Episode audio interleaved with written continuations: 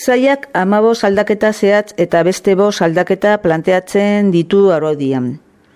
Aldaketak ondoko kontzeptuetan taldekatu daitezke. Lehenengoa, zenbatekoak eta baldintzak zehaztea. Lanbideren, jarraipena eta kudeaketa. Kontrolak, erabilera, irregularrak eta zehapenak. Kudeaketa kontrolari dagokion, dagokionez lanbide orientazioak duen garrantzia nabarmentzen dugu. Gure proposamenak ondokoak aldatu eta hobetzen ditu. Orain, erabiltzen den formula bizikidetza unitateak zehazteko. Prestazioaren eta lotutako osagarriaren oinarrizko kopurua zehazteko formula. Euskal Autonomia erkidegoan egiaz bizizatea ziurtatzeko moduak. Erroldatze eskakizunak eta dokumentazioari dagoki, dagozkionak errefusiatuek edo asilo edo nazioarteko babesa eskatzen dutenek presta, prestazioak jaso ahal izateko. Ondarearen balioa espena, Diru sarrerak bermatzeko errenta erreformatzeko dituen ideiak aurkeztu zituen maiatzaren hogetan maikan Beatriz Artolazabal Eusko Jaularitzako enplegu zailburuak.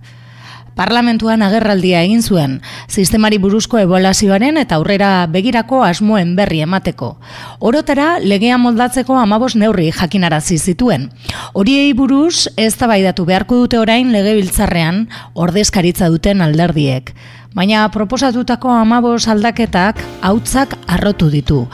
Baita salburuak esandakoak, zeireunda berro eta eurorekin bizitza duina izan daitekeela.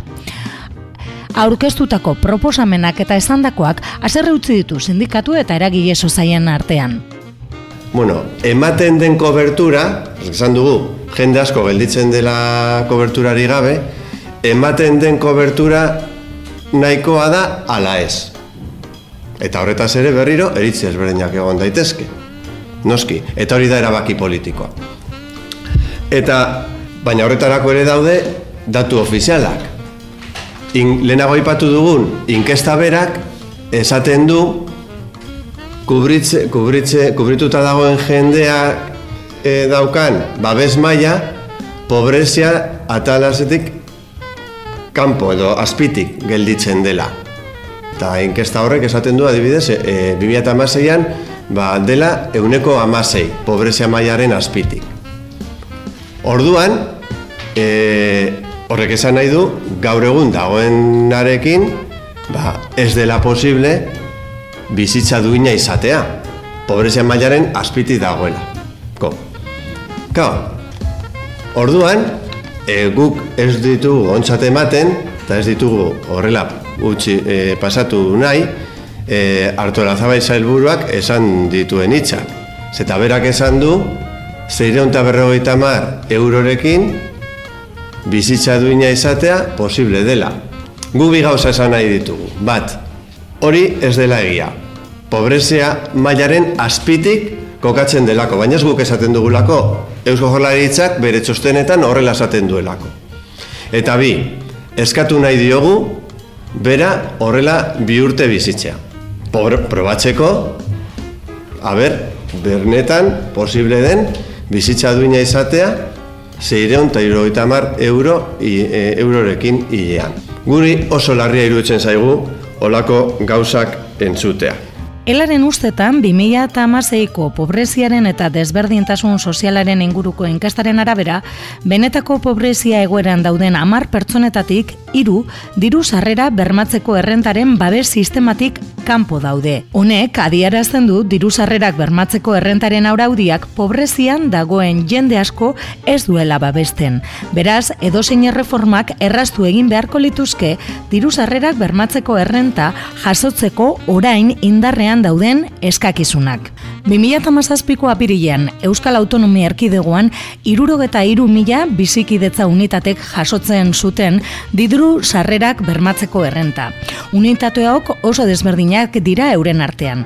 Datu batzuk, amabos milatik gora pentsiodunak dira, amabi milatik gora laneko diru sarrerak dituzte, amazazpi mila imigranteak dira, eta hogeta amabos milatik gora eskatzaile emakumeak dira.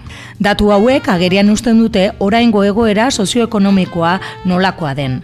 Langabezia, prekarietatea, pobrezia eta desberdintasun soziala azten ari da.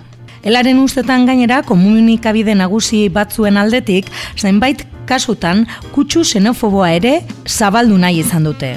Eta horrela, eskutatu egiten dira, gizarte prebentzioen kudeaketan dauden benetako arasoak, bitarteko tekniko eta giza baliabide eskazia. Askotan salatu dugu, iruzurra, aitzakitzat erabiltzen dutela, laguntza jasotzen duten pertsonak kriminalizatzeko eta prestazioak murrizteko. Eta berriro, ikusten dugu, ba, Artura Zabalek egin zuen aurkezpenean eta ondoren egindako elgarrizketetan, murrizketak iruzurrarekin lotzen direla. Edo justifikatu nahi direla murrizketak iruzurra omen dagoelako.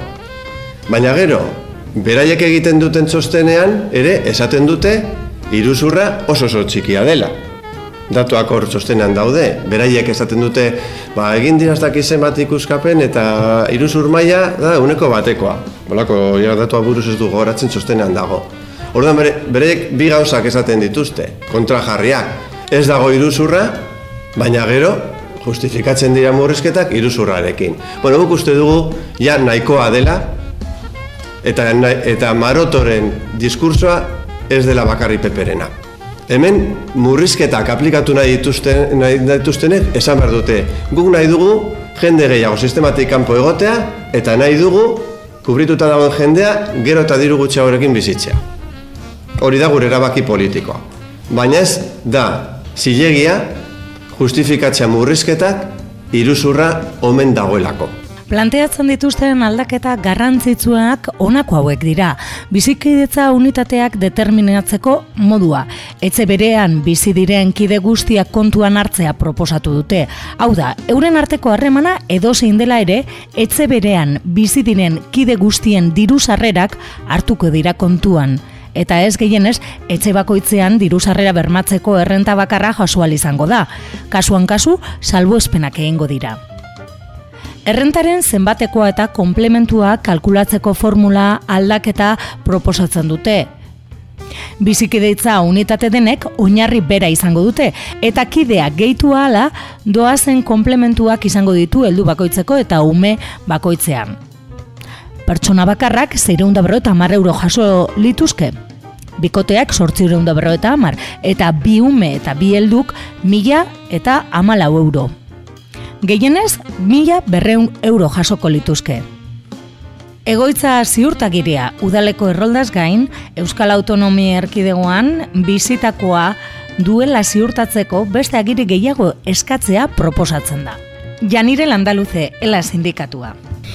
Zer gehiago egiten du legeak? Bueno, ba, legeak e, edo proposamenak egiten duela da, erroldatuta egotea zain esartzen da, behar e, gutxineko aldia e, aldatu egiten da. hau da, orain arte irurte erroldatuta egon bar zen, orain hogeita lau hilabetera pasatzen da, beti ere e, seme alabak bere ardurapetan dituzten bizitzik edetza unitaten kasuan. Murrizketarik aplikatu izan ez balitz, gaur egungo dirusarreran bermatzeko errenta, orain proposatzen den erreformarekin baino, hobea izango litzateke. E, gainera ez da hori bakarrik, kopuraren arabera esaten dira beste bi kontzeptu garrantzitsu. Hau da, ahaztu egiten da, edo alde batera usten da horren gehiagizko zenbatekoak zen, e, sartzerakoan e, e, laksea, hau da salario minimo interprofesionala, bai, eta zenbatekoa, gehienezko zenbateko bat esartzen da, mila eta berreun eurotan. Hau da, orain, aurrekontuen mesedetara geratuko dira e, kopuruak.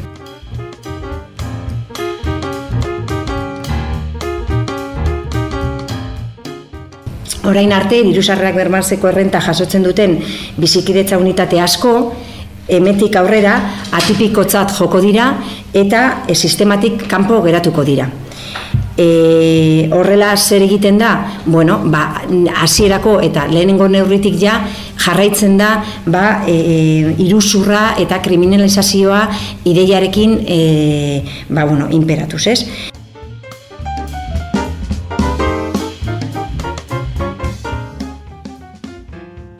Bizilekua bertan izateko e, proba batzuk e, jartzen ziren edo kontrol batzuk, orain zein neurri gehiago esartzen dira eskaitzaile berrientzat eta dagoeneko jasotzailea zirenentzat egiaztatze presidenzial sistema aleatorio bat e, esarretzeko intentzioa e, adierazten da.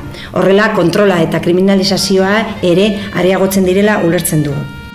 Ela sindikatuak salatu egin du erreforma proposamen honetan ez dala inolako parte hartze saiorik izan. Eta beste behin ez zaiela heltzen gizarte prestazioen sistemak dituen gabeziei eta gu kudeak eta arazoei. Bueno, ba, gu harrituta gelditu gara, entzun dugunean, e, bueno, zailburuak ere esan duela, prozesu hontan e, sindikatuak parte hartu omen dugula ez dakit, elbide elektronikoa txartu dituzten edo zer, edo zer, baina gurekin ez dute itzegin nahi izan honetaz. Eta gu, ezagutu dugu e, dokumentoa lege biltzarrean e, egin zuen, oza, egin zuten egunean. Beraz, guk esan duguna da, ez dela gia sindikatuekin, gutxen sindikatu nagusiarekin hitz egin dutela, eta bai plantatzen dugula e, eztabaida soziala egin behar dela. Eta nahi dugu eztabaida soziala bi olearri horietan egitea. Hau da, e, kubritu behar dela beharra, beharre egoeran dagoen jende guztia eta babes maila duina izan behar dela. Bi parametro horietan hitz egiteko gu pres gaude.